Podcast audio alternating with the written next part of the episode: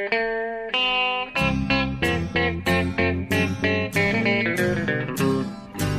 out there, we're on the air. It's hockey night tonight. Tension grows, the whistle blows, and the puck goes down the ice. The goalie jumps and the players bump, and the fans all go insane. Someone roars, Bobby scores at the good old hockey game. Oh, the good old hockey game is the best game you can name. Hallå, hallå, hallå, hallå, hallå, hallå där, hallå, hallå, hallå, hallå, hallå. Hallå och välkomna till NHL-podcasten med Jonathan Broccolipajen, Hallåmannen Ekeliv Hallå. eh, i Stockholm som ni just hörde där då. Och eh, mig Per Bjurman i New York. Vi ska nu spela in vårt 311 avsnitt. Mm. Och eh, för första gången på väldigt länge så spelas det in medan vi är inne i eh, grundserie-grinden. Riktigt ordentligt. Vi har spelat i nästan en, ganska exakt en vecka nu, sju dagar. Mm. Eh, har denna nya underliga anomali till NHL-säsong pågått. Och eh, ja, den har ju som, som, som det ska vara tagit över tillvaron helt och hållet NHL igen. Ja, nu, nu är dygnsrytmen totalt sabbad. Eh, man är uppe hela nätterna och, och eh, vaskar förmiddagarna kan jag säga. Och eh, ja, helt, helt inlåst i den här NHL-bubblan, det måste jag säga. Men det är kul, det är fantastiskt och det känns lite ovanligt faktiskt. Att eh, kolla på NHL, alltså massor med matcher varje natt. Ja, ja det är, men det är ju ett fantastiskt framsteg i tillvaron mot hur det har varit, i synnerhet för mig då som är här själv och eh, har haft eh, en lång period av, eh, det har inte varit så mycket att göra. Eh, inte haft någonstans att gå. Nu går jag ju till och med på match emellan. Ja, det måste du faktiskt förklara, för du ska dit igen ikväll till Madison Square Garden, men du har redan varit där en gång, två gånger. Två gånger, gånger två det, gånger. för det var ju dubbelmöte och med väldigt olika ansikten, men du var på plats på bägge två och fick ju coronatestas och allt vad, vad du gjorde. Du får beskriva nästan vad, hur det var att gå på, på match denna coronasäsong. Ja, det blir tredje gången på, på, på mindre än en vecka alltså ikväll. Eh, efter att inte ha haft eh, någonstans att gå så har jag plötsligt det. Och det är bara det är ju ett lyft i tillvaron att det liksom blir lite dynamik och variation i tillvaron. Mm. Ja, gå till jobbet ju som. Ja, just det. Inte Men, bara gå till eh, korrsoffan. Det har ju varit exceptionellt annorlunda mot eh, hur det, har, hur det är i normala fall. Som du säger, just på garden måste man inställa sig på ett specifikt klockslag. Mm. För att först fylla i en massa formulär om hälsa och så. Eh, och sen förs man till gamla eh, Theater on eh, MSG som ju ligger vägg i vägg där jag har sett konserter genom åren. Mm. Van Morrison till exempel står ut. Det är omgjort till ett jättestort testcenter Jaha. som används även, du spelar ju basket där också. Liksom. Så det är väl för, det är rätt mycket action där varje dag eh, Ja. på garden. Eh, ja, och där blir man då, eh, f- får ett test, ett snabbtest, de svabbar en i näsan och så får man sätta sig på specifika platser på läktaren där. Man får inte sitta ihop med andra då, utan så sitta och vänta och så tar det 20-25 minuter. Och så kommer de, eh, och hittills har det varit negativa provsvar, tack och lov. Mm, mm. Man får ett armband, man får papper på att man är SMI och sen tas man till ett nytt ställe för att hämta ut sin akkreditering, förs eh, via eh, hissar och sånt som jag aldrig har sett förut. Med Nej. security som tar en till, till, till platsen på pressläktaren. Och där får man sitta, det serveras inget kaffe, det finns ingen mat, ingenting. Oj, Och, och man ska sitta, man sitter ju på behörigt avstånd från de kollegor som är där. Det är inte så många som får komma in. Nej. Det är väldigt strikt. Och eh, ja, och så är ju hallen tom liksom. Det är väldigt konstigt. Tv-upplevelsen är ju konstig, men det blir ju ännu konstigare live. Ja, när du har hela den här rymden, eh, alltså den enorma area som ändå Madison Ja. Square Gardens stora eh, under valvet där liksom. Ja, efter vad... Alltså, ja, det, det är två vitt skilda upplevelser att vara där när det är folk och när det är som vanligt och nu. Eh, Ja, Det, jag har fortfarande inte riktigt eh, greppat det. Liksom. hur, hur annorlunda det är. Och, och bara som när, när matcherna tar slut, som nu senast då, eh, när Rangers vann andra matchen. Mm. Då samlas i mittcirkeln efteråt och höjer klubborna åt ingen alls. ja, det åt dig. Ja, och så, försvinner, och så försvinner de och då blir det helt dött på en gång när de sätter på en Billy Joel-låt. Det är så jävla ödsligt och nästan ångestladdat. Sorgligt. Ja, det har ju varit det är emotionellt också därför att den, den där sista matchen, du var ju här då, ja. sista matchen innan grundserien avbröts och, och den har ju blivit liksom en symbol för mig för hela den sista kvällen. Har blivit symbol för när, när tiden stannade liksom. Och där och då, du förstod lite grann att det här kommer ja, du inte göra på ett tag? Nej, precis. Jag, det var då man förstod allvaret och vart skraj. Liksom. Ja. Eh, och, och sen ja, komma tillbaka till brottsplatsen och cirklarna sluts. Ja, det var det, det var det märkligt. Och, och, och så är det så, man får ju inte, det finns ingen som helst fysisk kontakt med spelarna. Man får inte ens vara på event level. Än mindre komma in i omklädningsrummen. Och det är ju bestämt för resten av säsongen oavsett vad som händer. Det blir inget häng med, med spelarna i, på morning skates och efter matcher och så. Det är ju väldigt tråkigt på många sätt. Det är så man får mycket mer informellt och man får bättre kommentarer och så. Och framförallt får jag mer material till min blogg då. Ja, ja visst. Nej, det är klart, det är, i ett större perspektiv så låter det väldigt trivialt, men det är ändå liksom hela grejen. Jag som fått med några gånger där på, på pressläktaren, är liksom, alltså först gå på morningsgate och kunna snacka med spelarna, bara glida in i omklädningsrummet och snacka med Zibanejad och med Fast i det fallet och Henke och så vidare, som det var ja. förra säsongen och hur enkelt som helst. Och sen ja, men hänga på pressläktaren, ta någon korv eller lite popcorn eller lite, lite godis eller lite kaffe och snacka med lite kollegor och liksom hela den grejen är, tar man för givet, men det är ju, finns ingenting av den varan utan det är ju extremt som du beskriver uppstyrt och liksom sterilt höll jag på att säga. Ja, men jo, men det är faktiskt ett bra ord. Och, och, när det är vardag då, så just till bloggen så är det ju då man får massa små detaljer och hör roliga kommentarer och ser roliga saker i omklädningsrummen och, och sånt. Mm. Eh, och nu, nu blir det samma grej. Jag träffar ju kollegor igen då för första gången också på tio månader. Det är ju väldigt trevligt. Goda vänner. Även om vi är uppmanade att hålla oss från varandra och måste ha masker. Vi får inte ta av masken en, en sekund. Nej, nej. Eh, mycket under. Någonting Men, eh, nu är det inte lika strikt på alla håll har man ju förstått. Eh, det, det, det, jag tror bara det är Garden som har det här testcentret till exempel.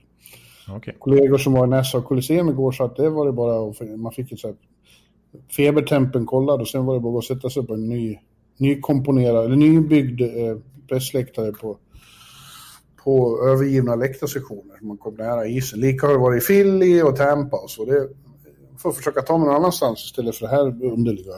Ja, precis. Och på vissa platser är det till och med publik. Har vi ja. sett i Florida och även i Arizona har jag haft släppt in folk. Ja, det hette att det skulle vara Dallas, eh, Florida och Arizona, men det var ju folk även på St. Louis match. Ja, det kanske var, ja. Just det. Några stycken var väldigt få, men det var det åtminstone. Det var ändå folk, ja. Och jag såg i NFL här i helgen, det var ju fullt med folk såg det ut som på Kansas City Chiefs match. Så det är verkligen... Ja, jag tror att de har släppt in hälften där. Ja, precis. Så det är ju väldigt många tiotusentals. Men det är i New York de är mest hysteriska. New York och Kalifornien är dessa liberala bastioner. Här är det rädda och nervösa och försiktiga än vad de är ute i landet. Ja. Ja, precis innan vi satte oss ner här så kom det ett nytt besked att en match är inställd, i det här fallet Carolina mot Nashville, eller rättare sagt Nashville Carolina. Ja, de spelade natten som gick och nu är det, man har inte fått exakt detaljer, men det, det är ingen som är sjuk, utan det är abundant of caution, säger man. Och, och det här är ju inplanerat, det kommer ju att bli så här många gånger, men det finns utrymme för att spela de här matcherna senare och förhoppningsvis så blir ju läget bara bättre och bättre nu efter fler som vaccineras och, och så. Ja, vi hoppas det. Och det, det är ju verkligen vardagsmåtten, men man har ju lag som till exempel Winnipeg ställer in träningar och sånt där för att, av caution för att det är någon som kanske har kommit i kontakt med corona. Så, där, så här kommer det vara varje dag nu. Eh, kommande tiden, det är inget snack om det. Och matcher så kommer fortsätta att ställas in. Och Dallas har inte ens spelat än, så att... Nej. Ja. Så är det. Så är det. det är, eh, vi får helt enkelt vänja oss vid att acceptera att eh, det är en mycket underlig säsong. Mycket ja. stor inbyggt i själva förutsättningarna. Men eh, samtidigt så är det ju som, ja, vi, du nämnde det, vi, det, det är ju fantastiskt att det är igång. Ja, alltså precis. Och grejen är att vi har ju ganska ofta det senaste, ja inte under slutspelsbubblan då, men om man jämför med maj till exempel när vi spelade in poddar fortsatte att kämpa på. Det var ändå kul att, att ha det här som lite distraktion då Eh, mm. Men, men vi fick kämpa lite med körschemat. Idag är det precis tvärtom. Vi har så mycket vi vill prata om så att vi kan inte ens ha en körschema. Utan det enda vi har är att vi ska prata division för division och försöka snappa upp så mycket som möjligt. För att det, det var nästan omöjligt att koka ner det här till vissa ämnen vi ska prata om. Den här veckan. För vi har så många trådar vi kan dra i efter första NHL-veckan. Verkligen, verkligen. Men rent allmänt, innan vi går in på det, vad, vad tycker du om eh, klassen på hockeyn? Det har ju varit oro över att eh, det var inga förberedelser alls, korta camper, de går från 0 till 100 på en gång. Att det mm. skulle bli försäsongsartat. Men det, ja, det, det tycker jag inte det har blivit. Nej, det är ju så det där försäsongspratet, det är ju så att de matcherna blir ju som de blir, inte bara för att spelarna är oförberedda utan för att ingenting står på spel. Mm. Ja, nu är det ju poäng på spel direkt och man vet att man behöver en bra start när det är en så kort säsong. Verkligen, det är ju det som är grejen också. Det är ju så kort säsong så man kan inte hamna på efterkälken. Då blir det jobbigt. Ja, precis. Så ja, nej, jag tycker det är väldigt bra nivå direkt och en sån här farhåga om att det ska vara mycket skador så här i början. Visst, vi har sett några tuffa skador på till exempel Sean Couturier och på några vassa spelare, Patrik Line och sådär, men eh, det har inte varit värre än vanligt. Nej, nej, så känns nej, så känns det Utan Jag tycker det har, varit, det har varit bra hockey, precis som NHL, det man förväntar sig att det ska vara. Det har varit en ja. rivstart. Ja, verkligen. På vissa matcher var det riktigt bra vad gäller i alla fall intensiteten och och, och graden av, av liksom hetta på isen. Absolut. Precis, för det här äh, med att de ofta har dubbelmöten då. Vi har ju sett nästan det i samtliga fall, att man har mötts minst två gånger i rad. Eh, det har ju, visst, när säsongen lider så i vissa fall kanske det blir lite enformigt. Men så inledningsvis tycker jag att det är tvärtom, som du säger, att man har sett mycket hetta och nästan lite slutspelsdramatik här och var. Ja. Så att, eh, ja. ja. jag är nöjd. Jag är mer än nöjd. Ekliv är nöjd, då, då, då vet man att då, då snurrar jorden åt rätt håll. Ja, okay. ja, det var... Jag vet inte om jag förtjänar den kvalitetsstämpeln, men eh, ja, många skulle nog säga emot. Men i alla fall, ja, ja. Ja, men du, om vi tar och tittar då på, för, för att ta några mer specifika saker som vi har äh, tänkt på under, under den här inledningsveckan. Så som sagt, vi tar division för division och nu har vi hittat ett Eh, redan när vi hade preview så bestämde vi att vi börjar med North, fortsätter med Central, tar East och West sen. Ja, det känns som att NHL har sitt egna system och ibland byter de. Och, alltså det, det finns ingen riktig ordning på Nej. vilken division man ska börja med. Men NHL-podden har fastslagit att det är North först. Är North först, den, den, den. Först? Eh, North först. North. Ja, den heter egentligen Scotia North. De har ju sålt namnen till, till divisionerna också. Ja, det, det kuppar uh, vi bort här i podden. Det struntar vi faktiskt högaktningsfullt i, även om eh, NHL nu just nu behöver alla intäkter de kan få. Mm. Och det är då den helkanadensiska eh, divisionen eh, norr om den stängda gränsen. Och mm. ja, det har ju varit eh, intressant på, på många håll. Var, var, ska, var vill du börja här? Ja, var ska man börja egentligen? Det finns, eh, här kan man prata om lite vad som helst. Ska man börja med lite positiva överraskningar, eller överraskningar med sånt som man har fastnat för? Eller ja, det finns ju några negativa här också. Man kanske ska dela upp det så, jag vet inte. Men eh, ja, jag vet inte om det är det lag man ska börja med, men de toppar i alla fall tabellen så här långt. Och jag måste säga att jag tycker att eh, Toronto håller för vad man förväntat sig av dem. Eh, jag har ju tippat att de ska vinna divisionen och inledningsveckan i alla fall så motsvarar de förväntningarna. Hade lite problem med Montreal, vann i förlängning, sen torskade de ju mot Ottawa, men har två raka segrar sedan dess och eh, väldigt bra underliggande siffror. Eh, så att eh, jag tror de har gjort mest mål hittills i NHL. Spelat fyra matcher medan vissa har spelat noll, visserligen. Ja. Men, men eh, jag tycker Toronto ser bra ut med, med att de har... Det syns att de har täppt till lite svagheter. Ja, det var i och för sig lite oroande den där matchen de förlorade mot Ottawa. Mm. Tyckte jag. Men, eh, ja visst. Det har ju det har ju varit väldigt roligt att se den där kedjan nu då med Thornton, eh, Matthews och Marner. Eh, de har ju hittat varandra direkt och eh, Thornton har till och med gjort mål och, och det är lite festligt eh, med liksom nytändningen hos honom och sättet han har inspirerat de andra. De, de har ju blivit kära i honom direkt. Ja. ja, han har blivit lagpappa där också, precis som han ja. var i San Jose, direkt. Ja. Och sen så, ja men typ backsida med en sån som Brody, det var kanske inte den fansen hoppades mest på, utan det var ju så här Pietrangelo-snack, hur de nu skulle få plats med hans kontrakt. Men eh, Brody, jag tycker backsida nu när både Riley och Massin är skadefria, än så länge i alla fall, eh, den ser habil ut. Och jag såg någon ja, Brody liksom hyllats på Twitter. Det, man ska inte gå för mycket på vad Toronto-fans skriver, för de, de, de, där, är, där är ju plan the parade direkt ungefär. Men eh, jag såg någon som skrev att eh, kan inte Brody få lead economic recovery efter coronapandemin? Han känns så trygg. Ja. Så, ungefär den nivån redan. Ja. Och sen har båda målvakterna, dansken har väl haft några problem i någon match, men när Campbell kom in så var ju han väldigt bra. Ja, så att jag, jag tycker Toronto har det bästa lag på pappret och men ändå, liksom, trots den här torsken i första matchen mot Ottawa så nästa match så tycker jag att de spelar ut Ottawa ganska ordentligt och har ju 40-12 i skott ett tag och sen i andra perioden mot Winnipeg häromsistens då stod det 19-1 i skott ett tag. Så att, ja. eh, de är ju bra, de är riktigt bra Toronto. Men visst, det... Tavares är väldigt bra. Han, eh, Sheldon Keefe hyllade Tavares i natt och sa att han tycker att det ser ut som att han är snabbare än någonsin sedan han kom till New York, eller till Toronto i alla fall. Ja, ja.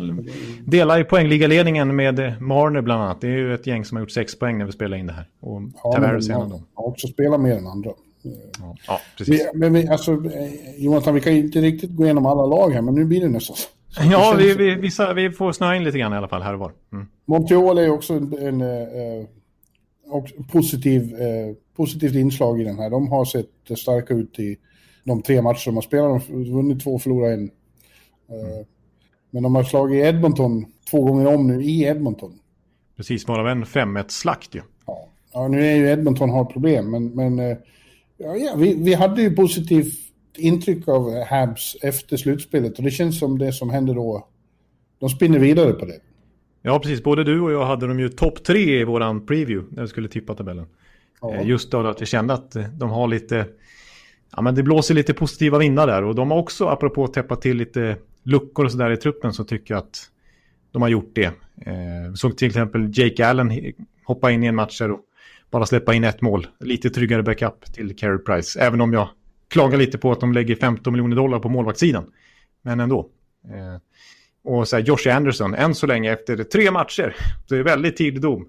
Så hittills så leder ju Josh Anderson ganska ordentligt, eller Mark Bergevin kan man säga då, den traden mot Max Domi som hamnade i Columbus. För Domi har inte haft en bra start där under Tortorella i Columbus. Noll poäng, massa minus Nej. i plus minus statistiken. Medan Josh Andersons kedja där med Drouin och eh, Nick Suzuki har varit kanske en av ligans bästa så här första veckan. Väldigt dominant, dominant. Extremt drivande siffror i den underliggande statistiken och sådär. Och Josh Anderson har sprulat av energi sådär som du och jag brukar återkomma till att vi såg han göra på plats en gång. Ja, precis. Ja, men han är en sån som får så sprider energi genom hela sitt lag. Mm. Typiskt Montreal Hockey skulle jag säga. Mm. Ja, och sen så är det mycket, han är omsusad den nya tsaren, eh, den nya Romanov. Just det. som nu heter mm. som, som tsaren i, i Ryssland. Eh, han gjorde sitt första mål igår och har, har fått väldigt mycket beröm. Ja, precis. Den gamla JVM-stjärnan som har kommit över nu. Det, ja, det är bara det liksom. De har, det är, lite här och var den där truppen så är det många unga spelare som glänser. Så ja. att, eh, jag tror mycket på Montreal den här säsongen. Calgary har också fått en, en, eh, bra start, även om de själva tycker att de eh, har varit för ojämna i matcherna. Jag pratade med Elias Lindholm i natt eh, och han tyckte att det var ju Markan som har räddat dem väldigt mycket och, och, och det är väl det, stora utropstecknet där. Att precis som vi sa, nu har Calgary en bra målvakt och eh, Markan har ju verkligen, ja, han har visat vem han är direkt. Han höll ju nollan i, i första hemmamatchen där mot Vancouver han ställdes ja. mot sina gamla kompisar på en gång och, och, och inledde med en, en nolla. Det, det, är så, det är så legender skapas. ja, precis. Och sen så seger i nästa match mot just Vancouver också. Så snacka om att eh, få lite Och då var revansch. det 16-3 skott i Vancouver efter en period. Det var det Elias menade. Att vi, då gjorde vi ingenting. Marken höll oss kvar i matchen och sen, sen tog vi över. Precis, de har ju faktiskt tagit, de torskade första matchen mot Winnipeg men tog poäng där också. Så än så länge så har Markström inte varit med om att eh, kliva av isen i Calgary utan poäng. Nej. Mm. Nej, det är positivt. Nej, ja, så det, det, är precis. För annars är det som du säger med Calgary, att det, det är lite upp och ner. Och det, det, är ju liknande lag som i fjol, men, men eh, den stora skillnaden är Markström och det är ingen liten skillnad. Nej, nej men eh, exakt som, vi, som, som de hoppades. Nej, de gjorde ett fynd där med, med, med Markan. Vi ska ju se att andra som misslyckades med att få målvakter, det kommer vi att prata om. De har nu. problem. Ja, kanske ett sånt, vi kan ju nämna, ja, Vancouver kanske är naturligt att komma in på, men när vi ändå pratar målvakter så, ja, det är ju målvaktsproblem redan i Edmonton, som man ju förväntade sig. Ja. Ottawa och Winnipeg behöver vi inte gå in på så mycket, även om det går att säga att eh, Ottawa då, eh, precis som, också som väntat, det är tydligt att de är mycket bättre än i fjol. De kanske inte är starkaste laget här, men de är mycket bättre än i fjol med alla sina nya namn. Precis, alltså dels de här nyförvärven som ganska etablerade namn som Stepan till exempel och Matt Murray i kassen och så här som jag tycker har gjort, gjort bra intryck i de där Toronto-matcherna men framförallt så är jag imponerad av ja, men Batterson och Josh Norris och till och med Stützle som kommer in och gör en kasse. Alltså de nya unga egna produkterna om man kan kalla det så. Ja, absolut. Men de, det finns ju två lag i North då, som har bekymmer. Och det är Edmonton och Vancouver. Eller det har varit en bekymmersam start för dem. Ja, Edmonton, Edmonton är ju... Det är ju så konstigt lag. De har två världens bästa one-two punch i, i McDavid och Dreisaitl. De hade en match när det var fullständig show mot eh, Vancouver. Mm. Eh, de, gjorde, jag vet inte, de gjorde fyra poäng var i den matchen. Och McDavid gjorde ju säsongens snyggaste mål hittills, till exempel. Ja. Men bortsett från den matchen så har det varit mörkt i, i, i, i de övriga tre matcherna. Och eh, ja, som vi just antydde, det är väldiga problem på målvaktssidan. Eh, de har ingen annat val just nu än att spela Koskinen om och om igen. Och, mm. och eh, han håller inte tillräckligt hög standard för NHL. Nej, under 90 procent. Nej, precis. Han kanske skulle kunna vara en liksom, hyfsad backup. Men att, vara, att luta sig mot honom, det går inte. Det har han ju visat under sina år i NHL sedan han kom över från KHL. Eh, ja, och, och Ken... Mike Smith är, är, skadad just nu. Så han, de har ju haft problem överhuvudtaget att ta en, få tag i en backup. De har eh, tradat till sig Anton Forsberg då, som hade intressant vecka när han var i varenda lag nästan. Fast han satt still i, i, i karantän. Och, och till slut frågan till Winnipeg då sitter i karantän där. Ja, precis. Han hamnade ju där. Exakt, så Edmonton lyckades inte behålla honom. De fick ju plocka upp eh, Grosnick istället från LA Kings på Waivers. Just det, de var tvungna att ta... Så var det. Han, han Precis, de hade Forsberg men så ja. släppte de han och sen så försvann han. Och så, ja, det, har varit, det har varit väldigt struligt med målvakter som har varit på Waivers överhuvudtaget skulle jag vilja säga. De ja. fick plocka upp Grosnick men han ska ju då sitta i karantän så han kan inte vara tillgänglig för den 28 januari för dem eftersom att han kommer från USA nu. Nej, Nej det kan inte vara kul och det det kommer ju tillbaka till att Ken Holland misslyckades under hösten och sommaren. Han, han förstod ju att det här var en svag punkt och jagade en, på, på den väldigt digra målvaktsmarknaden då, men, men, men fick inget napp. Det är Nej. svårt att locka folk till Edmonton, det är bara så. Ja, vi kan ju nämna i, i sammanhanget då också att eh, han eh, ska ha hört sig för, enligt Elliot Friedman var det väl, till eh, Jimmy Howard, sin gamla ja. trogne målvakt i Detroit. Men han eh, tackade nej då. Han säger att han eh, kommer snart offentliggöra att han lägger ner karriären. Ja, han går hellre i pension än flyttar till Edmonton. ja, så pass är det faktiskt till och med. Trots att han alltså erbjuds kontrakt. Att, eh... ja. ja, det där blir intressant att följa. Eh, Vancouver då, eh, det såg bra ut i en match men sen har det hackat betänkligt. Eh, och eh, de får inte igång sina viktigaste pjäser och framförallt gäller det då Elias som har haft en mycket trög start och efter fyra matcher står på en assist och that's it. Precis, han har, eh, precis innan vi satte oss här så fick han ju böter också. Ja. Väldigt små böter som det verkligen är. Det är ju typ en procent av hans månadslön för en ja. slashing som inte var så snygg. Men han säger ju själv att han är frustrerad, att han inte liksom känner det här självförtroendet han är van vid. Nej, och han tog på sig två dumma utvisningar i, igår och sa ju det, att det var oacceptabelt att ta de utvisningarna på grund av frustration. Så han är ju medveten om det själv, det är inte så att vi sitter och hittar på. Nej, utan det är ju någonting jag pratar om öppet. Så att, eh, nej, men det är så här, nu återkommer vi till det och sånt som vi brukar påminna oss själva om i oktober när säsongerna normalt sett börjar. Att vi ska inte dra för stora slutsatser direkt här och Vancouver har än så länge inte ens spelat en hemmamatch. Nej. Men eh, tendenserna hittills har ju inte varit eh, jättebra. Det har ju sett ja, lite knackigt ut. Man trodde att det berodde på att eh, JT Miller inte kunde spela i början då, att han är så viktig eh, katalysator där med sin mer fysiska stil. Men det hjälpte inte i natt i alla fall. Nej. Men ska man lyfta fram någonting positivt så är det väl att eh, Nils Höglander har eh, ja. verkligen fått chansen att ha en större roll än vad han hade i Rögle. I Rögle i SHL alltså så snittar han den här säsongen 14 minuter match. Nu spelar han med Bo Horvat och får ganska viktiga defensiva minuter och offensiva minuter och snittar över 17 minuter per match. Ja, du ser. Det, han gjorde, hade man inte väntat sig kanske. Han gjorde mål direkt i första matchen. Drömdebut. Ja. Ja, jag, jag har ju sagt att de ska göra succé i år och det finns ju fortfarande utrymme för det. Men eh, än så länge så har jag en stor dumstrut på huvudet. ja, men de ska komma hem till Vancouver och försöka samla sig och Elias Pettersson ska vakna för den här typen av säsong väntar vi oss inte honom. Utan Nej. det kommer Nej, komma. Jag, jag, är faktiskt inte det minsta orolig för honom. Eh, det kommer ju. Så fort det har lossnat så lossnar det ordentligt. Ja. Ja. ja. ja. Central då? Ja. Min gamla vän. Där är ju Men, ett eh, kärt lag i toppar tabellen. Ja, de har bara spelat två matcher. Mm. Eh, Tampa och eh, ja, det var två matcher mot Columbus. Chicago. Och, Chicago, för ja just det, Chicago var det. Ännu värre höll jag på att säga. Eh, ingen, ingen, eh, ingen jättefin värdemätare för Chicago har ju varit sämst eh, i ligan så far. Det, det slår jag fast utan någon som helst tvekan faktiskt. Ja, nej, precis. Vi ska nog inte stanna upp så mycket vid Tampa. Jag får erkänna det. För att eh, två matcher mot Chicago är inte så mycket att hänga i julgranen. Även om de vann då och gjorde tio mål på de två matcherna. Men eh, nej, Chicago som väntat då när man ställer upp med Malcolm Subban och Colin Delia i målet. Liksom. Ja, eh. vilket, eh, vilket vansinnigt misstag han har begått, eh, Bowman. Eh, ja. Jag trodde att... Visst, han är inne i en rebuild och förväntar sig inte att de ska göra några under i år. Men det, det gäller ju det här, när man har så här ungt lag, att inte, att inte förstöra det med, med förlorarkultur. Nej, precis.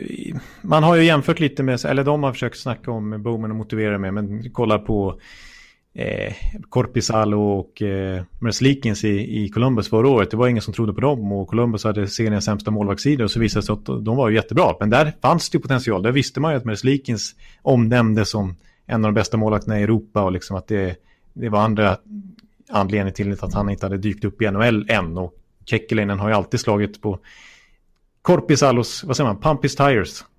Mm. eh, så där, där fanns det potential. Men Malcolm Subban är ju liksom 27-28 nu väl och, och, det är inte så ung heller. Liksom. Det är inga supertalanger direkt utan det är ju lite... Det är ju sådana här journeyman liksom som de har i kassen. Eh, som inte, trots ganska hög ålder, har väldigt knaper NHL-erfarenhet av en anledning. Liksom, så att Ja, och det såg man ju i de här första matcherna, även mot Florida som de mötte sen och torskade. De har ju, ja, de har släppt in 15 mål på tre matcher. Mm. Och så dessutom då att Taves är skadad och Kirby Duck. Det kan de inte påverka så mycket, men det är naturligtvis oerhörda slag och som skickar ner Chicagos hopp ännu längre djupare. Liksom. Ja, ja det, det, det, just nu är det svårt att se vem de ska slå. Ja, kanske, kanske Detroit då, men Detroit, ja, det är inget topplag i år heller, men precis som med Ottawa och precis som vi har förutspått så är de lite bättre än i fjol i alla fall. Ja, exakt. Lyckas ju faktiskt eh, ta en seger av Carolina som jag har topptippat. Precis. Och även störde lite grann Columbus. De fick kämpa lite grann för att ta den segern i alla fall. Det har ju sett lite positivt med, med, med, alla nya som har kommit in. Larkin ser lite rev, revitaliserad ut. Eh, verkar tycka det är kul att, att ha sådana som Bobby Ryan omkring sig. Ja, nej, men det, det, blir, det, blir, det är bara att konstatera att det blir tufft för Detroit också. Jag vill återvända snabbt till Chicago och säga något positivt om dem i alla fall. För jag såg ju naturligtvis mycket av dem. Deras matcher, Eftersom de var mot Tampa så, så har jag följt sekund för sekund eller vad säga. Men eh, jag tycker att eh, den här nya schweizaren kan bli en ny Dominic Kubalik. Alltså, Kubalik var ju schweizisk poängkung för två år sedan, kliver in och gör 30 mål direkt i NHL och blir nominerad till årets rookie. Och nu testar de igen och tar en schweizisk poängkung, Pius Sutter som eh, ja, befordrad då snabbt eh, till första center och spelar med Kane och DeBrinket. Och jag tycker han har sett bra ut, initiativrik, snabb. Ja. Eh... Men när vi är tillbaka till Chicago nu, kan vi måste försöka gå igenom. Ja, vi ska nog släppa Chicago. Ja, men eh, Sutter i alla fall, bra. Mm. I, I övrigt så är det, eh, Central är väl den som har, jag tycker det har varit svårast att få något riktigt grepp om. Mm. du nämnde Carolina där. Ja, det vet jag inte egentligen, men, men ja, kanske. Florida bara spelade en match och det såg i och för sig bra ut. Och Bengan var väldigt positiv efteråt, Hörnqvist, och så eh, citerade Strålman som ju var där förra säsongen, han tycker det känns som ett helt annat lag eh, med, med allt detta nya blod. Mm. Eh, Nashville, där kan vi åtminstone konstatera att Filip Forsberg är, är i god målform direkt. Han har gjort tre mål på tre matcher. Fortsätter han så, då slår han Håkan Loobs rekord på 56 matcher. Ja, just det, precis. Nej, men eh, ja, han, har gjort, han har inte gjort mål i... Han har gjort mål i samtliga tre dessutom. Det har varit ett i varje match. Ja, precis. Eh, ja, nej, visst, Nashville har väl öppnat lite bättre än vad man... Eh, än vad jag, jag har ju snackat ner dem lite grann, men Ja, jag det var med. ju två, två matcher mot Columbus där som de vann. Och såg väl relativt bra ut. Det intressanta är att de här nyförvärven som jag sågade sa jag inte skulle bidra med någonting. De har varit väldigt bra och eh, bidragit med mycket. eh, Richardson och eh, Luke Cousins och Luke. Ja. Och så tycker jag att Saros som ju återigen får förtroendet som första keeper, han har ju onekligen petat bort Rinne nu. Har, såg bra ut i de här två Columbus-matcherna. Ja. Eh, Carolina, vad säger du om ditt topplag? Ja, precis. Två matcher mot Detroit var de, de torskade en, men de vann ju skotten stort och dominerade båda två. Sen eh, gick de och slog just Nashville här om natten och nu är, är matchen inställd här nästa. Men eh, ingen kanonlovande start av Carolina som ju de senaste åren, framförallt förra, flugit ur startblocken ju. Och liksom Mm. varit kanske mest imponerande i hela NHL då, men eh, inte hittills än. Men eh, visst, det finns... Eh, alltså de är ju, det är ett ruggigt starkt lag och nu är Hamilton och Pesci tillbaks. Eh, det var de inte i slutspelsbubblan så att... Ja, s- det är ju, det är ju Mrazek där i kassen som är lite svaghetstecken, men... eh, Nej, nej. Jag, jag har ingen anledning att revidera mitt tips hittills, det tycker jag inte. Nej. Nej. Ska vi gå på is då? Ja, men jag tycker vi ska säga en sak till eh, innan vi hoppar till East och det är... Ja, men det har kommit lite mer nu liksom öppet istället för rykten om Dubois. Alltså, Ja. när, eh, alltså i Columbus-centern där som ju vill lämna och det bekräftar ju Tortorella här på någon presskonferens i veckan och, och sa liksom att ja, ja, ja, det, det här är någonting han har berättat för laget. Men han har inte berättat varför han vill lämna. Det gillar han, gillar han till Tortorella, så han uppmanade ju Dubois liksom, speak up, berätta varför du inte vill vara med oss i det här laget. Och han sa det att jag kan, han kan liksom inte dementera att det här inte påverkar hans syn på hur han ska coacha Dubois den här säsongen. För han tycker att han har investerat så mycket i hans karriär liksom, och försökt hjälpa honom med små detaljer för att utvecklas. Och så vill han inte ens vara där. Vad är det för tacksamhet? Mm. Eh, och Men han det- blev ju faktiskt småbänkad här, i, här om natten också. John, säger jag då. Vill du ha svar på frågan varför han inte vill vara där? Titta dig själv i spegeln, säger jag. Ja, det finns ju några exempel på spelare som lämnat på grund av honom. Så att, ja. Ja. Ja, men det, och det faktiskt stipprar fram lite, ja, dels det här, liksom, jag vet inte om det är ett rykte eller om det mer är folk som har, eh, lägger ihop ett och ett. Att Line vill bort från Winnipeg och att Dubois vill bort från Columbus så att de ska byta med varandra då helt enkelt. De som gick tvåa och trea i samma draft där, 2016. Eh, Men eh, det som, sen har det ju kommit då Dubois som är från Montreal-trakten. Att man ska köra en, en eh, trade med, med Montreal där, det har ju varit lite rykten där om att att eh, Montreal har, erbjudit Kotkaniemi. Eh, men att om det ska bli en trade, då vill Columbus ha Suzuki. ja, det, det tror jag det. Det skulle jag också vilja ha. det är precis, det tycker jag är ganska, det är ju fullt skäligt för att Dubois är ju en riktigt, det är ju en lite så här poor man's Bergeron som kan bli ännu bättre med åren här och så, så väldigt bra ut i slutspelet. Eh, Så att det är klart att Columbus ska ta rejält betalt för sin första center. Så att, eh, Ja, ja. Då är, det ju, då är det ju bara att släppa Suzuki i så fall Montreal om ni vill ha honom. Ja, ja som sagt, det är väl det han... Det står högst på hans önskelista om har förstått, att få komma hem till Montreal. Ja, precis. Och det, egentligen gillar ju Montreal det, sina fransk-kanadensare. Liksom. Det gör de verkligen. Ja, men eh, nu tar vi oss till is då. Eh, Där finns det mycket att säga om många, tycker jag. Eh, Ja.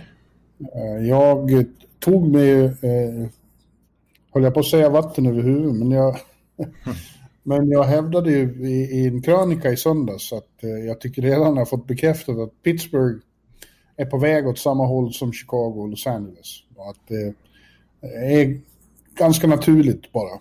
Nu är, det är att ta i efter tre matcher, men, men det här är ju en tendens som har synts eh, tidigare, framförallt i de senaste två slutspelen då. Och eh, eh, jag tycker att det eh, har fördjupats nu. Det, Sidney Crosby har sett bra ut. Malkin har inte sett det minsta bra ut. Han ser ut som han inte har förstått att säsongen har börjat. Och eh, omgivningen är, är sådär bara. Och målvakterna är inte så bra. Det, Tristan Jarry har redan, han har ju blivit degraderad i princip till backup redan. Ja, det är tid att säga, men det, samtidigt så, så vi Ja, hörde det lite troligtvis för, för Jerry där att eh, eh, han hade lite oroväckande siffror efter All-Star-breaket där och sen eh, har man tydligt kunnat se att eh, de hade väldigt bra försvarsspel i fjol faktiskt. När Sullivan hade satt lite nytt system och det såg väldigt bra ut där med John Marino och Pettersson andra paret och så Dumoulin och Letang i första paret liksom. Eh, och de, ja, det var svårt att ta sig in i Pittsburghs zon. Men eh, när inte det där funkar, då är inte Jerry någon som kan rädda dem. Liksom. Utan när försvarsspelet sitter, då har de bra målvaktsspel också. Fallerar försvarsspelet, ja då har de ingen målvakt som kan rädda dem. Så bra är inte Jerry, utan då, då rasslar det till. Du, du, jag hör på dig du tycker att den där krönikan var alldeles för tidig. Att du, du är lika upprörd som de som mejlar mig och skriver att jag är dum i huvudet. Nej men, ja, nej, men det är klart att, att Pittsburgh går i den riktningen. Jag tycker inte att de står på ruinens brant lika tydligt som du gör än, men, ja, men visst är det oroväckande signaler. Har jag inte säker. Jag säger att det börjar röra sig åt det hållet och att, och att det, det finns risk att slutspelssviten klipps av nu. Jag har inte sagt att de är nere i källan direkt, men, men det är ju... Eh, som jag också konstaterade, det är ju ingenting att vara upprörd över. Det, alltså, det är ju, systemet är ju byggt så att, att, att, att lag ska tvingas till rebuilds. Det ska inte gå att bygga dynastier. Eh, har man för bra spelare så blir det för svårt att bygga ett lag kring dem och, och, och så måste man börja om. Det är ju hela poängen med lönetaket. Precis. Och sen är frågan då, vilket ju är oerhört tufft beslut för en general manager, men när ska man börja om? Alltså, ska man börja om innan?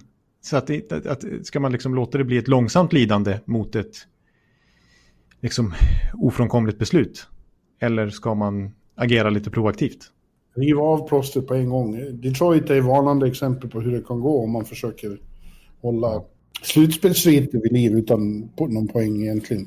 Precis, och lite grann tycker jag LA Kings då, där man många åldrande spelare som hade vunnit kupper åt dem fick stora kontrakt. Och visst, nu börjar LA Kings vända på det, men lite grann i alla fall. Men eh, de satte sig ju verkligen i skiten med eh, ja. långa kontrakt som, som inte var bra. Liksom. För som liksom ja. belönade gamla prestationer. Ja. Det ser, eller såg åtminstone efter de två, match, två första matcherna ljusare ut på andra sidan Pennsylvania. Där då, Philadelphia var ju de som slog Pittsburgh två gånger i rad i Wells Fargo. Mm. Och eh, då såg det bra ut. Nu såg det ju mindre bra ut i natt då, när de åkte på en riktig smäll mot Buffalo med 6-1. Ja, och de... Vigneault såg ut, sa att han skämdes. Ja. ja, men det hade han nog anledning att göra. Det hade ja. alla där. För när de var skärpta i de där två matcherna mot Pittsburgh, då såg det åtminstone bitvis riktigt bra ut. Nu, för, för, som du nämnde, förlorade de ju första centern, Sean mm. Couturier, i, i, efter bara några sekunder i andra matchen. Och det är ju kännbart. Eh, en kännbar förlust, men det ska inte få så stora återverkningar. Nej, precis. Att det ska bli 1-6 på hemmaplan. Liksom. Nej. Nej, men det, det, jag tycker också att den matchen var liksom återigen en indikation på hur jämnt det är. Vi, vi pratade om det i vår preview, att det var hopplöst nästan att tippa den här divisionen. Eh, det känns som att lag som man har på slutspelsplats lika gärna kan hamna i botten och, och, och vice versa. Liksom. Eh, även om man ser vissa så här, styrkeförhållande, skillnader sådär. Men, men bara bara för att jämföra då, liksom, Philly slår Pittsburgh i två raka matcher. Eh, så, och Pittsburgh slår i sin tur Washington. Eh, Washington som vann två raka matcher mot Buffalo och Buffalo som krossade Philadelphia. Ja. Så att, så här, de slår ju varandra hit som, hip som happ. Ja, det är, ja, det är väl lite, helt enkelt så att det ännu är lite svårt att få grepp om var lagen står faktiskt. Ja. Eftersom det på många håll har, har Eh, spretat åt olika håll från match till match, verkligen. Ja. Philadelphia har... Ja, det, det är ju, Carter Hart har inte börjat så jättebra. Nej, den här insatsen mot Buffalo var ju inte alls i nivå vad man förväntar sig. Utbytt, fyra kassar in. Ja, det var så typiskt mig om jag hade haft honom i fantasy. Och det hade jag ju inledningsvis också. Men vår vän Andreas Käck mm. på tidningen är ju uh, hardcore Hart-fan. Ja, det är hans största Ja, han ville favorit. till varje pris ha honom, så han tradade ju Markström och André Burakovsky till mig för att få Hart. Det, mm. det är den bästa trade jag har gjort i fantasy någonsin. ja, check... inledningsveckan i alla fall får du vara nöjd med. Mm. Ja, check känns ju som att han har tradat eh, Filip Forsberg mot... Eh, mot eh... Martinerat? ja. Nej, det, det, där, det, där, där får jag nog dra lite i handbromsen. Men, eh, ja. Ja, det, ja, det var mycket lyckat på det sättet. Eh, Men eh, jag vill fråga dig lite grann om Rangers då, vad du tycker, och även Islanders, du som har sett dem på plats i två raka matcher. Ja, det var ju lika där. Snacka om att, att eh, skilde sig. Det, mm. eh, karaktären i de två matcherna kunde inte vara mer... Eh, kontrasten kunde inte vara mer bjärt från ena kvällen till den andra. Nej, nej. Eh, först var ju, första matchen var Islanders totalt dominanta, slog Rangers med 4-0 och hade kunnat krossa dem ännu mer. Det var, det var nästan patetiskt att se Rangers då. De var helt ja. under isen och, och, Islanders riktigt bra. Två dagar mm. senare så är det precis tvärtom då. Då är det Rangers som dominerar totalt, Islanders verkar helt eh, eh bortkomna och Rangers vinner med 5-0. Eh, mm. Väldigt svårt att skaffa sig någon bild av utifrån de två matcherna. Eh, nej, nej, verkligen. För där tänkte man efter första matchen kände man ju att oj, oj, det här är otroligt stabila Islanders vi såg i slutspelet. Som ju både har den här trots täta defensiven och den här offensiva udden som vi såg i slutspelet där de ju trots allt gjorde väldigt mycket mål. Ja. Eh, och så tänkte man att Rangers, det här bygget är lite fuskbygge än så länge. Det är, det är felkonstruerat på vissa håll liksom och, och, och, och, de är lite för unga fortfarande. Och sen så i nästa match så såg man ju den enorma potentialen som det här Rangers-laget har och hur hög högsta nivån redan är. Ja, ja de sa att de hade pratat mycket. Det var intressant att prata med Mika då på, på telefon efteråt. Han sa att alltså, det verkar som ni uh, skärpte in vissa budskap. Han sa, nej, det handlar inte så mycket om att skärpa, det handlar om att han då och uh, de övriga ledarna, även om Rangers nu har än en gång underlåtit att göra Mika till kapten. Han är en av fyra assisterande. Jag förstår inte varför de inte bara ger honom C. Det är mycket konstigt. Nej. Är det någon konspirationsteori att de, att, de, att de väntar in Lafrenière, att han ska få växa in sig lite och sen bli kapten? Ja, ja, ja han sa i alla fall att vi, vi har pratat om att eh, det är sånt, vi är så lyckligt lottade som får spela hockey och hålla på med, med, med det vi älskar när alla andra har det så svårt i världen. Så vi måste ta vara på det här. Och det var det som gjorde skillnaden. Det var ju lite fint sagt. Ja, de kom ut med en enorm energi i match två, måste man säga. Men det, det är ju väldigt, det är en väldigt mental sport och jag tycker det låter lite klyschigt när man säger så, men det är ju otroligt viktigt med inställning. Det är, liksom, det är ju trots allt... Alltså det tycker man, man ser så mycket i, i de här första matcherna också. Och det kommer nog vara en tendens genom hela säsongen så här att ofta det laget som vinner stort, eller vinner stort, alltså bara som vinner första matchen, speciellt om kanske bortalaget vinner eh, första matchen, så skärper liksom hemmalaget till sig i nästa match. Ja. Och visar var skon ska stå. Det har vi sett på flera håll. Liksom. Ja, den där dynamiken med att det blir sådana här serier där man möts flera gånger i rad, det, det förändrar saker och ting lite grann. Definitivt. Ja, det förändrar, liksom, det förändrar liksom den mentala ingången i matcherna för respektive lag. Att det ena kanske slappnar av lite, tyckte att det var en enkel och skön match senast och, och det andra laget verkligen laddar om och skärper till ja. sig. Men jag tror att Islanders i den där andra matchen, de kom av sig lite på förhand också eftersom eh, Valamon skadades på uppvärmningen och Klatterback sköt honom i halsen. Ja, Oacceptabelt sa Barry Trotz efteråt. Så kan man inte göra på uppvärmningen. Men eh, jag undrar, alltså Barry Trotz, alltså, kan man verkligen... Eh, alltså, det är ju mer otur tycker jag. Alltså, ja, absolut. Ska vi skylla Klatterback för det? Nej, men han var upprörd över det. Och, och då fick Sorokin då, den omsusade, Eh, debutera hastigt och mindre lustigt. Och eh, det, eh, gick inget bra. Han släppte in första skottet och var nervös och darrig. Eh, och redan där så var liksom tonen satt att Rangers fick medgång på en gång och, och, och tog över. Ja, ja. Nej, precis. Och, och, faktum är att nu ska du, när du ska till Garden nu här så, så är det ju Georgia som får chansen igen i Rangers. Så att de här två ryska supertalangerna som vi har pratat om senaste året i Sjestjorkin och Sorokin då i Islanders eh, har inte fått någon bra start. Båda är Georgia var, Georgia var ju mycket, mycket bättre i andra matchen än vad Sjestjorkin var i första, absolut. Mm. Uh, Lafreniere har inte hunnit göra så mycket intryck än, skulle jag vilja påstå. Jag tänkte fråga om honom, vad du tycker att du har sett av honom när du får en annan bild av att uh, sitta uh, med jag helikopterperspektiv. Jag har faktiskt inte uh, fått så mycket intryck alls, ska, om jag ska vara ärlig. men det är ju svårt för de här, det har vi sett på många håll. Jack Hughes var ingen succé i fjol, nu, nu ska vi inte döma ut Lafreniere. Nej det kan, det kan definitivt hända bra saker. Det är intressant att Kapokako ser lite mer eh, bekväm ut tycker jag. Så... Gjorde fint mål där mot Islanders i andra matchen. Ja. Det blir mm. intressant att följa. Eh, New Jersey har inte heller överhuvudtaget fått så mycket intryck av, men, men eh, det lite starkare än i fjol också tror jag. Eh, just Jack Hughes har varit mycket bättre. Ja, de har ju två, två bra matcher då får man säga mot Boston. Båda ja. gick väl till förlängning, eller nej, till första i alla fall. Eh, jag har sett, såg lite av dem och jag tycker ändå New Jersey håller, alltså visst, det är svårt att säga för de har väl mycket inspiration här i början och vill visa det ett ungt lag och, och lite så här, man har sett en P.K. Subban till exempel vill revanschera sig lite har faktiskt spelat mest del NHL hittills. De har väldigt liten sample size men snittar nästan 30 minuter per match. Ja. Så, eh, men det, det, och Blackwood i kassen som jag hypar lite grann här, du som dömer ut målvaktssidan där. Men det är klart att det ser tunt ut bakom honom och de har också varit ute på waiver-marknaden och plockat upp till exempel Aaron Dell från Toronto. Eh, men eh, det, det, borde vara lite för tunt. Även om ja. jag vill säga den här Jegor som jag som jag knappt kunde uttala efternamnet på, Sharaganovic, KHL-målskytten som gjorde 17 kassar här innan han kom över till Nordamerika nu tidigare under säsongen i 17 kassar alltså i KHL. Vitryssen kan säga att han är. Belarusien får man säga. Han eh, gjorde ett fint mål och avgjorde en, en match där och eh, ser, eh, han ser ut som ett...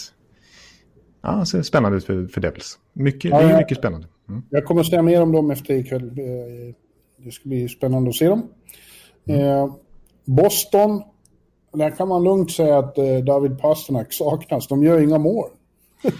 Ja, det är förutom Dallas då så är det enda laget som inte gjort ett enda 5 mot 5 mål hittills på tre matcher. Ja, och då, det är ju helt uppenbart. Vi har pratat ofta om hur beroende de är av sin första kedja. Marchand kan ju spela nu då, men målskytten saknas verkligen.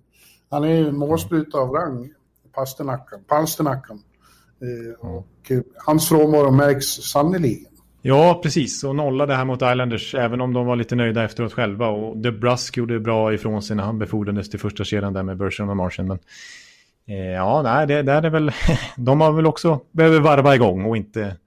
Nej, för det är ett Boston som får den här knaggliga offensiva starten är vi inte vana att se. Men det är klart, är man utan NHLs bästa målskytt förra säsongen så ska det ju märkas. Liksom. Ja, det ska det. Ja. Washington. Eh. Washington började ju väldigt bra med två övertygande segrar i Buffalo. Eh, och de... Eh, ja, jag tycker de har sett eh, förlorare mot Boston, men det var först på, på straffar. Pittsburgh. Ja, ja var Pittsburgh. Och mm. de gamlingarna ser ut att ha vaknat bra. Chara, Chara har gjort ett gott intryck i Washington, även om det är konstigt att se honom i tröjan där.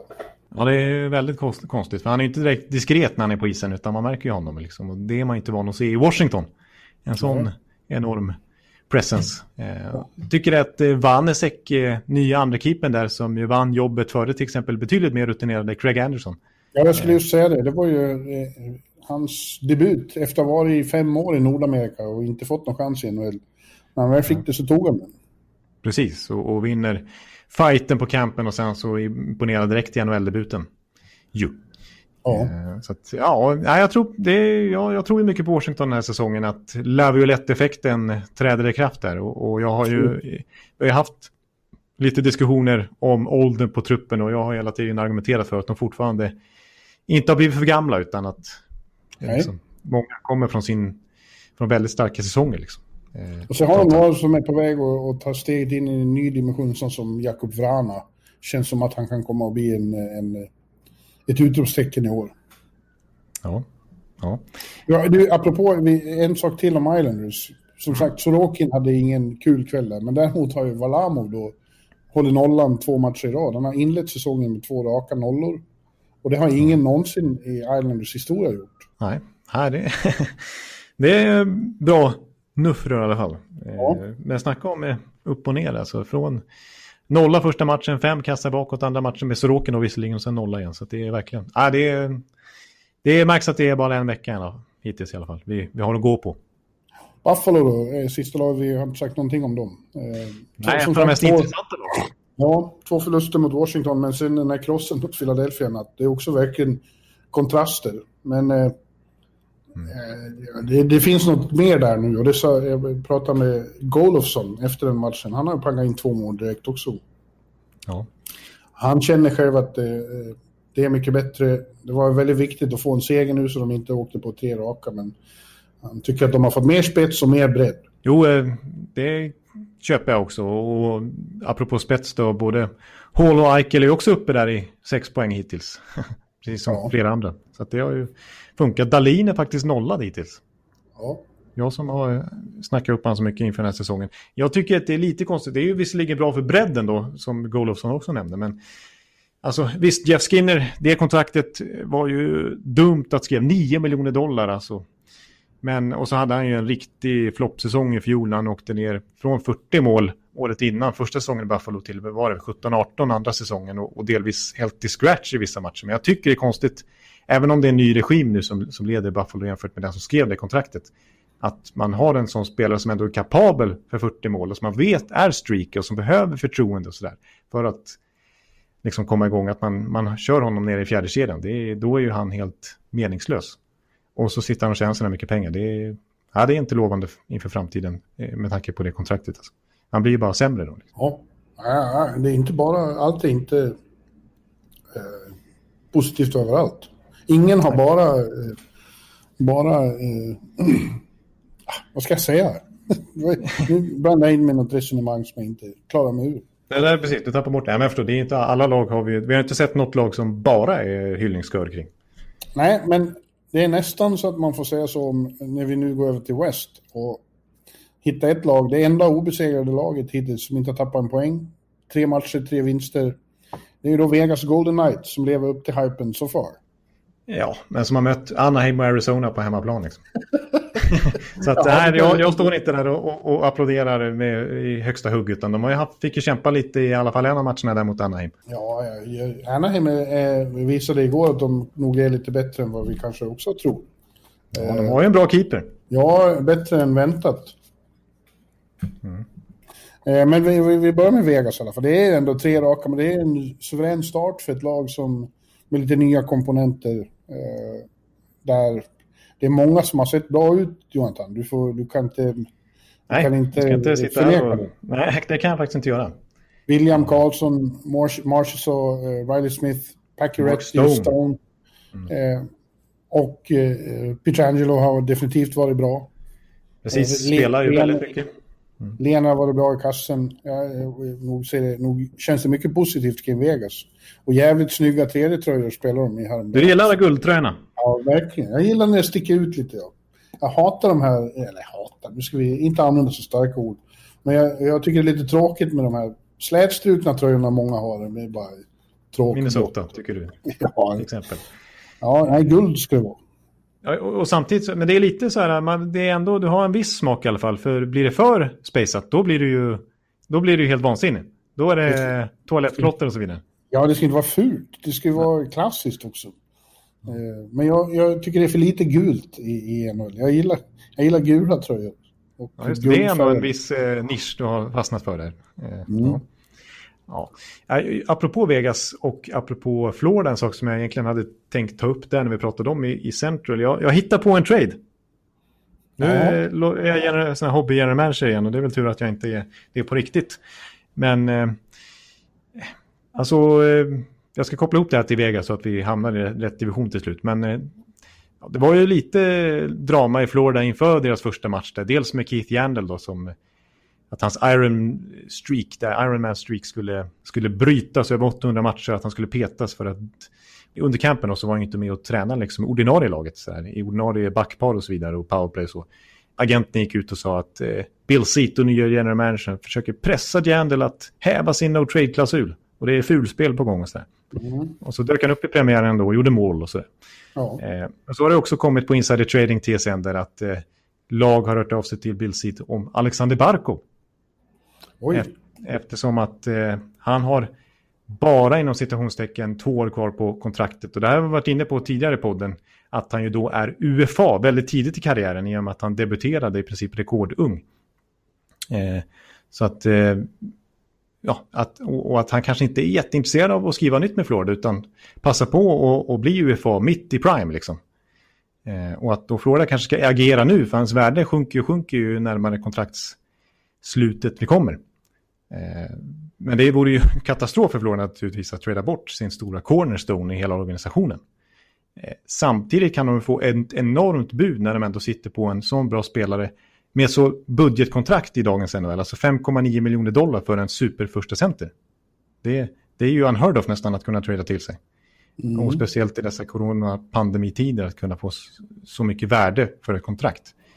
Eh, ja, så att, sånt här händer ju nästan aldrig i NHL, så jag tror inte du ska hoppas för mycket på det. det nej, men tänk, tänk, tänk dig Vegas att kunna få in det förhållandevis lilla kontraktet för en så bra spelare och de som behöver fylla på på centersidan. De har ju William Karlsson men inte så mycket mer.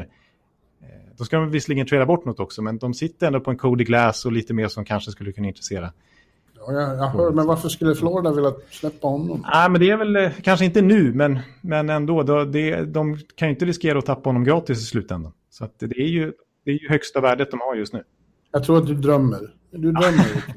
ja, nej, men det, det, det är ju i alla fall inget jag bara hittar på, utan det är ju lag som alltså ringer till Florida om det här. Så det är något ja. som kommer återkomma diskussioner kring. Ja. Mm. Ja. Eh, låt oss gå vidare. Eh, det har ju också eh, spretat åt olika håll. Vi har Colorado som eh, allas favoriter. De inledde med en riktig flopp mot St. Louis och kom tillbaks med Vengeance och slog dem med 8-0. 8-0. 8-0, ja. Sex mål i powerplay. Ja, och efter den matchen pratade jag med Gabriel och han sa att det var totalt värdelöst första matchen. Vi var inte med. Eh, och bestämde sig för att det skulle bli andra bullar i match nummer två. Det blev det ju verkligen. Där såg vi potentialen hos Colorado. Exakt, där visste de ju varför alla har hypat dem så mycket. För att den där högsta nivån är ju brutal. Alltså, St. Louis ja. var ju helt chanslösa. Eh, men ja. samtidigt är det ju det här med, med hur mentala spelet som kanske blir ännu tydligare i år när det är så mycket dubbelmöten och så här. Så vad, vad som kan hända i hjärnorna efter första match där St. Louis oväntat gick och vann så enkelt och tänker att det här Colorado var kanske inte så bra, medan Colorado då laddar de fullständigt och blåser de av banan med rätt inställning. Ja. Vi kan nog få se lite sådana här svängningar i, i, i alla dubbelmöten framöver, i många i alla fall. Ja, ja St. Louis har spelat tre matcher då och eh, de har vunnit två. De, I natt slog de ju San Jose då eh, i en vild match, men det är ett problem som jag tycker har uppstått tidigt och som jag flaggade för på förhand. Jordan Binnington är inte så jättestabil. Nej, han är, han är inte så där vass som han ju var under en vår och försommar när det bar hela vägen till Stanley Cup. Och nu har han ingen Jake Allen att ge över första spaden till heller om han inte håller måttet, utan det är Ville Husso. Och han fick ju hoppa in i den här Colorado-matchen och släppte in fyra mål också. Ja. Eh, så... Lite oroande. Det det. Men oroande är det också för San Jose då, som hade hoppats på att få en mycket bättre start i, i år än i fjol. Eh, och visserligen vann första matchen, men sen har det sett väldigt skakigt ut, framförallt defensivt. Eh, Dubnik och Jones är sådär, men det är framförallt är det spelet i egen zon som inte är något vidare alls. Nej, precis. Och, och det kan ju dröja ett tag innan de får åka hem och spela hemmamatcher också och känna lite trygghet så. De är ja. verkligen på flykt också. Ja, det är de. Så, eh, och där måste man ju säga också att eh, Erik Karlssons start på säsongen har inte varit det man, man hoppades på. Och det kan man ju delvis skylla på att han inte har spelat sedan i mars. Och, februari. Han var februari till och med, 14 februari väl? Ja, precis. Så det har ju gått ett år sedan han spelade. Så det är kanske bara att komma in i matchtempo igen liksom och, och hitta det. Men... Ja, å andra sidan hade man ju tänkt att nu när han är utvilad och inte har några skador alls, att det skulle ge en positiv effekt. Men eh, så far har jag sett det eh, sådär ut och han är ju dessutom han plågas av det här att han är ju väldigt familjeman. Han vill ju vara med sitt barn och sin fru. Det är lika för alla, men är, alla reagerar ju olika. Jag tror att han tycker det är väldigt plågsamt att inte kunna vara hemma. Nej, nej men jag, jag, jag, jag, nej, jag tycker det har varit några aktioner där, där man inte alls känt igen den gamla Erik Karlsson, trots att han ju ska vara, vara skadefri nu, utan det ser sekt ut i liksom skridskoåkningen och det är inte alls den här rörligheten, baklängesåkningen och så vidare. Han är nästan rundmärke ibland. Eh, och det, mm. så ska det inte vara. Då, då kan han inte vara liksom världens bästa, bäst betalda back och leva upp till det. Utan då är det plötsligt ett problemkontrakt för, för San Jose. Men vi, det har gått tre matcher. Så ja, jag tycker det men, men, men, minus sex här på, han har inte varit inne på ett enda mål framåt på tre matcher utan sex bakåt däremot. Så att, eh, Eh, nej, han måste skärpa till sig och det kommer han förmodligen att göra. Mm. Eh, Minnesota har varit eh, ja, intressant och, och, vi kan redan konstatera att det, din hypade eh, Kaprizov, han har verkligen gjort starkt intryck direkt. Ja, precis. Han blev faktiskt first star of the week här enligt NHL. Ja. Eh, första fem dagarna fram till söndagen där och eh, började med att avgöra en match i overtime på ett fint sätt dessutom. Så att, eh, Kaprizov, där har de äntligen hittat något, ett dragplåster och någonting att, som får en att vilja se på Minnesota, inte bara jag. Nej, faktiskt. Man, man kommer på sig själv, men vänta nu, nu är det mitt i natten jag sitter och tittar på Minnesota Los Angeles, vad är det frågan om? ja, precis, men det är för att man vill se Caprizo. Ja, man vill se Minnesota överhuvudtaget. Två gånger om hamnade de i 1-3-läge inför tredje mot LA, vände och vann på övertid. Andra gången var det Marcus Johansson som avgjorde. Så två nykomlingar avgjort på övertid. Eh, ja. Lite symboliskt att det, det, har blivit något nytt med Minnesota, verkligen. Ja, precis. Och jag vill eh, också, en spelare man nästan glömt bort och som vi inte har pratat mycket om i podden här, för att han gjorde inget bra debutår i klubben och nu har han inte spelat än så länge den här säsongen. Men jag tror att de har en liten joker snart i Mats Zuccarello också. Ja, men vi vet inte när han kommer att kunna spela igen. Nej, precis, men eh, jag tror det inte är så långt bort. Och, och, han stördes ju förra säsongen tydligen av den här gamla handskadan som han fick direkt i Dallas. Ja. Eh, men nu har han opererat den och kan liksom han få ordning på, på handlederna igen så, så är det ju en, eh, också en väldigt underhållande spelare in i det där bygget som gör att man vill titta på Minnesota. Ja, du vill ju alltid det. Det är ditt plan. ja, ja. Ser du. Mm. Men sen var det den där matchen i natt då. En målvaktskamp mellan din gamla idol John Gibson och Kem Talbot. Och det stod 0-0 både länge och väl och det räckte med Anaheim att göra ett mål så vann de. Eh, mm. Intressant med tanke på hur, hur flisiga vi har varit mot Anaheim på förhand. Ja. Ja. Ja. ja. Nej, men jag, jag, jag, ska visst, jag tror också att många av de här lagen går lite på inspiration än så länge. Liksom New Jersey tycker jag sett ganska bra ut som sagt också här i början. Jag tror att det, över tid så kommer det inte räcka för Anaheim ändå. Jag är hårt mot alla Anaheim-fans här. Jag har en av mina bästa kompisar håller på Anaheim och, och blir sur nu, men eh, nej, jag, jag tror inte det kommer räcka. Nej. Los Angeles, som sagt, var 3-1 ledning två gånger om och tappade. Eh, mm. Man får intrycket att, ja, det, precis som vi har sagt, det finns väldigt många unga bra spelare, men de är inte redo att ta över det här bygget än. Nej, och jag tycker lite för mycket liksom så här, inte unga spelare som fortfarande får mycket förtroende där. Och en sån som Lias Andersson som de tradar till sig, han får sitta i Taxi Squad. Och, och likaså Tobias Björnfot. Och vi får inte se någon Quinton Byfield och vi får inte se någon Arthur Kaljev eller Alex Turcott och sådär. Utan det är så här mycket Mike Maggio och Blake Lisotte och Matt Roy och... Ja. Eh, du tycker att de borde ge de unga mer chanser helt enkelt? Ja, tycker jag. Ja, okej okay då. När de ändå är i det här skedet liksom. Om de vill spira upp lite grann. Arizona då? De har också eh, blandat och gett under säsongstarten. De har haft några fina... Och framförallt när de vann där mot... Eh, vilka var de vann mot? Eh, var det andra matchen mot San Jose eller? Ja, det kanske var ja. Ja, det, nej, oj, nu snöar det i New York. Det var som fan. Det var det värsta. Ja, det hade jag inte räknat med. nej. Ja, just det. När du snart ska ut på gatorna. Ja. Eh, Oliver gjorde, stod för tre assist och vart sen skadad och är borta nu ett tag. Ja, det var synd. Mm. Ja. Eh, men... Ja, ja, fortfarande svårt att få grepp om, får vi säga. Ja, de stod. Även om det var mycket strul, eh, som vi har varit inne på så mycket i denna off-season, så har de fortfarande ganska bra lag tycker jag och, och defensivt sett exakt samma uppställning med samma, samma backpar och samma målvaktsduo. Och sen så eh, hoppas man lite grann fortfarande på en sån som Clayton Keller då som gjort det ganska bra inledningsvis att en sån som Barrett Tatum ska slå igenom nu. Att, att de ska få fart på Dvorak alla de här och att kanske Phil Kessel helt plötsligt visar gammal god form. Det gjorde han ju i, i den här segermatchen. Ja, det gjorde han. Så eh, visst, ja, jag tror inte att Arizona kommer sjunka ihop den här säsongen utan de kommer ligga där som vanligt kring slutspelsstrecket och antingen hamna på rätt eller fel sida. Yes sir. Ja. ja. Nu blev det nästan att vi pratade om alla lagen då. då. Ja, det gjorde vi. Vi har glömt att nämna en... en jag, vill, jag knyter, återknyter till fantasyn här. Jag, jag, fick inget svar av dig.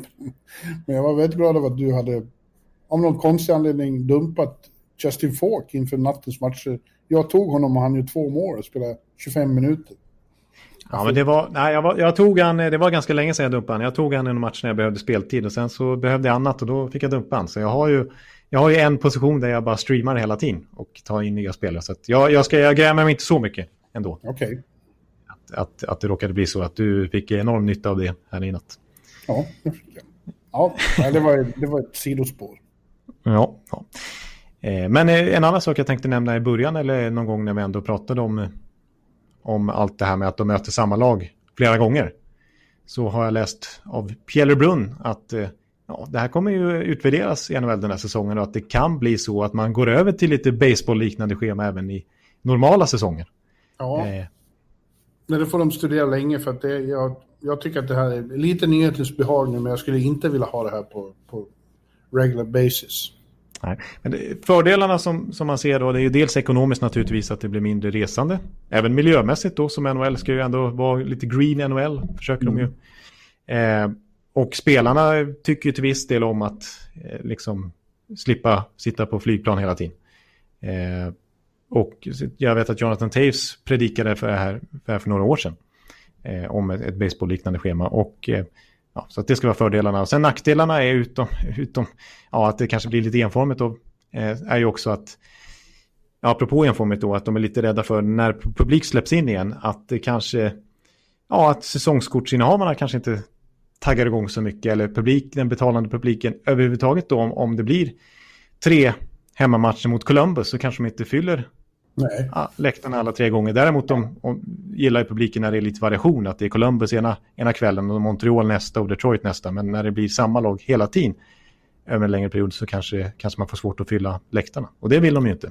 Alla vill se Conor McDavid och Leon Draisaitl. Ska, ska det bara vara några få förunnat? Så kan vi inte ha det. Ja, vi får se. Hur, hur, men men alltså då, eller då syftar jag ju inte på att de ska behålla de här divisionerna, men att de ska behålla att man, att man möter samma lag två, tre matcher i rad. Att man har den typen av schema. Du, nu får jag komma och knyta tillbaka till, till fantasy. Jag fick just ett trade-förslag. Jaså? Från, från Jarko. Jarko? Jarko? Jarko. Han vill ha Alex Ovechkin av mig. Oj, det är blockbuster. Mot Elias Pettersson. Och han har redan tröttnat ju. Ja, precis. Han vill inte ha massa svenskar i sitt lag. Det kan han glömma. Ja. Ja, du tog Ovechkin i första rundan och han tog ju Pettersson i första rundan. Ja, Ovechkin är en, en, en, en sann fantasy-spelare. Han är lika mycket fantasy-ikon som han är det i verkligheten. För att han skjuter ju som en galning och han spelar massor med, med, med tid. Han gör ju sina mål och han gör sina powerplay-poäng och sådär. Så det trillar in i många kategorier. Och utvisningar kan han ju ta också. Ja. Ja. Nej, det blir inget Jarko. Jarko. Det får han reda på här i podden. Ja. Ska jag, ska, jag, nu live så kör jag eh, nej tack. Med eftertryck? Decline trade. Decline encounter. Oj då, då ska du ha något annat. Eh, du, du, lägger på då kanske? Nej, nej, nej. Jag vill, nej, jag vill inte... Du vill inte trade Ovechkin? Nej. nej. Ja. Men eh, ska vi nöja oss för den här veckan då så får vi se vad det blir nästa. Vi kommer ju ha lika mycket att prata om då om vi kör något liknande körschema. Än om vi återgår till lite mer specifika ämnen som vi brukar ha. Vi, vi får se hur vi gör. Men eh, vi är glada i alla fall att, att det är igång igen och att vi har riktiga matcher och riktig hockey att prata om till slut. Ja, verkligen. Mm. Verkligen, nu vart det lite... Eh, jag trodde jag gjorde fel. Men nej. Ja, du trodde att du tyckte yes. ja. ja. Uh, men eh, du ska väl få eh, trycka på rätt knappar då så ska du få springa ner till garden snart i snön. Och nu slutar det snöa igen. Det var väldigt tillfälligt. Men ja, ja, vi kommer ha ännu mer att prata om nästa vecka. Nu ska vi hitta på lite listor och sånt. Förslag på idéer är välkomna på Twitter och så. Och mail om det skulle vara så. Ja, ja absolut. Så är det som vanligt. Ja. Eh, men vi säger så för den här veckan då och på, gott, på, på återhörande säger vi. Nästa yes. Tack och hej. Hej. Hallå, hallå, hallå. Hallå, hallå, hallå. Alex Chiazot, Joe Luis Arena och Esposito. Esposito. Uttalsproblem, men vi tjötar ändå. Och alla kan vara lugna, inspelningsknappen är på. Bjuder Hanna Kohl, han är grym i sin roll. Från Kållesoffan har han fullständig kontroll på det som händer och sker. Det blir ju allt fler som rattar in hans blogg. Och lyssna på hans podd. One, two, three, speed, so Hallå, hallå, hallå. One, two, three, speed, so Hallå, hallå, hallå. Ekeliv, som är ung och har driv. Verkar stor och stark och känns allmänt massiv. Han hejar på Tampa och älskar Hedman. Sjunger som Sinatra. Ja, och det ser man. Nu är det dags för refräng. Dags för magi, Victor Norén. Du är ett geni. Så stand up at home and remove your hats. Höj volym, för nu är det plats. One, two, time, speed, so Hallå, hallå, hallå. One, two, time, speed, so Hallå, hallå, hallå. One, two, time, speed, so Hallå, hallå, hallå. One, two, time, speed, so Hallå, hallå, hallå. Det är otroligt länge sedan båda samtidigt var så här bra. Hallå, hallå, hallå. Det är otroligt länge sedan båda samtidigt var så här bra.